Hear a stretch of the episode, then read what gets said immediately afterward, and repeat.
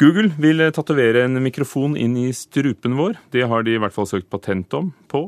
Og Googles strupemikrofontatovering føyer seg inn i rekken av ulike dingser som vi enten bærer med oss, på oss eller i oss, i beste science fiction-stil operert inn i kroppen. Marius Arnesen fra NRK Beta, er det science fiction?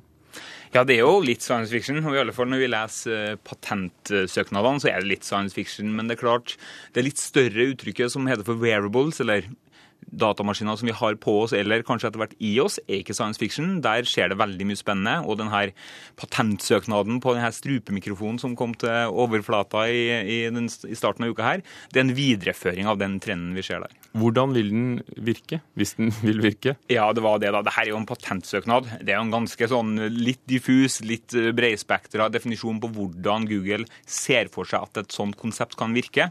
Og det de tenker da, er jo at vi har en mikrofon som kan plukke opp lyden fra stemmen din uten at den hører stemmen din på en måte fra vibrasjonene i, i stemmebånd og i, i, talesystemet ditt. Og så kan den snakke med alle andre elektronikken som vi omgir oss med. Google har bl.a. Eh, denne Google Glass, som er et sett med litt sånn science fiction-aktige briller, som nå er ut og finnes på markedet i USA i en slags sånn beta-testfase. Som folk allerede går med, altså de som prøver det ut. Men hva, hva, kan du gjøre med de brillene?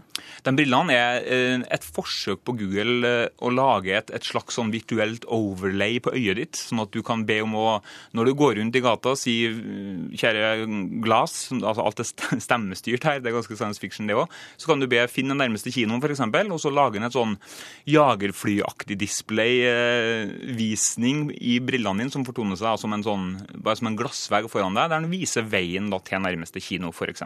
Men det ser rart ut foreløpig? Det ser veldig rart ut, og det er nok den største problemet med Google Glass sånn som det foreligger i dag. Eh, men det er klart, dette er et testprodukt. Det kommer nok til å komme både kulere og finere versjoner av det her, og teknologien som ligger i bunnen, er veldig spennende. Og det er jo kommet en del wearables allerede? Ja, wearables begynner å bli veldig stort. Klokke klokketrenden ser vi nå med, med, både Samsung og Google og noe som heter Pebble, som, er, som, lager klokker som snakker med resten av elektronikken vår. og Da begynner vi å snakke om det vi har snakka om i noen år, som heter for The Internet of Things. Der ikke bare datamaskiner og mobiler er på internett, men alle tingene og dingsene våre snakker sammen. Det er skrittellere du ser når du er ute og jogger, det er pulsmålere, det er skeier som veier maten din, som alle ligger og rapporterer til internett, det er vekta på soverommet ditt som sier fra hver gang du er der, og bare pusher data inn i det her systemet. Eh, som gjør at etter hvert så, så vil alt snakke sammen, da, og der, der, skjer det veldig mye spennende for øyeblikket. Finnes det uh, ikke bare morsomme, men også veldig nyttige uh, anvendelsesområder for dette her? Ja, det gjør det. Altså, eh, spesielt når det kommer til sånne helsemessige ting. Folk som f.eks. har en hjertefeil eller har, har, en sykdomsløp som gjør at de sjøl kan følge med mer på sitt eget helsebilde, skjer det mye spennende.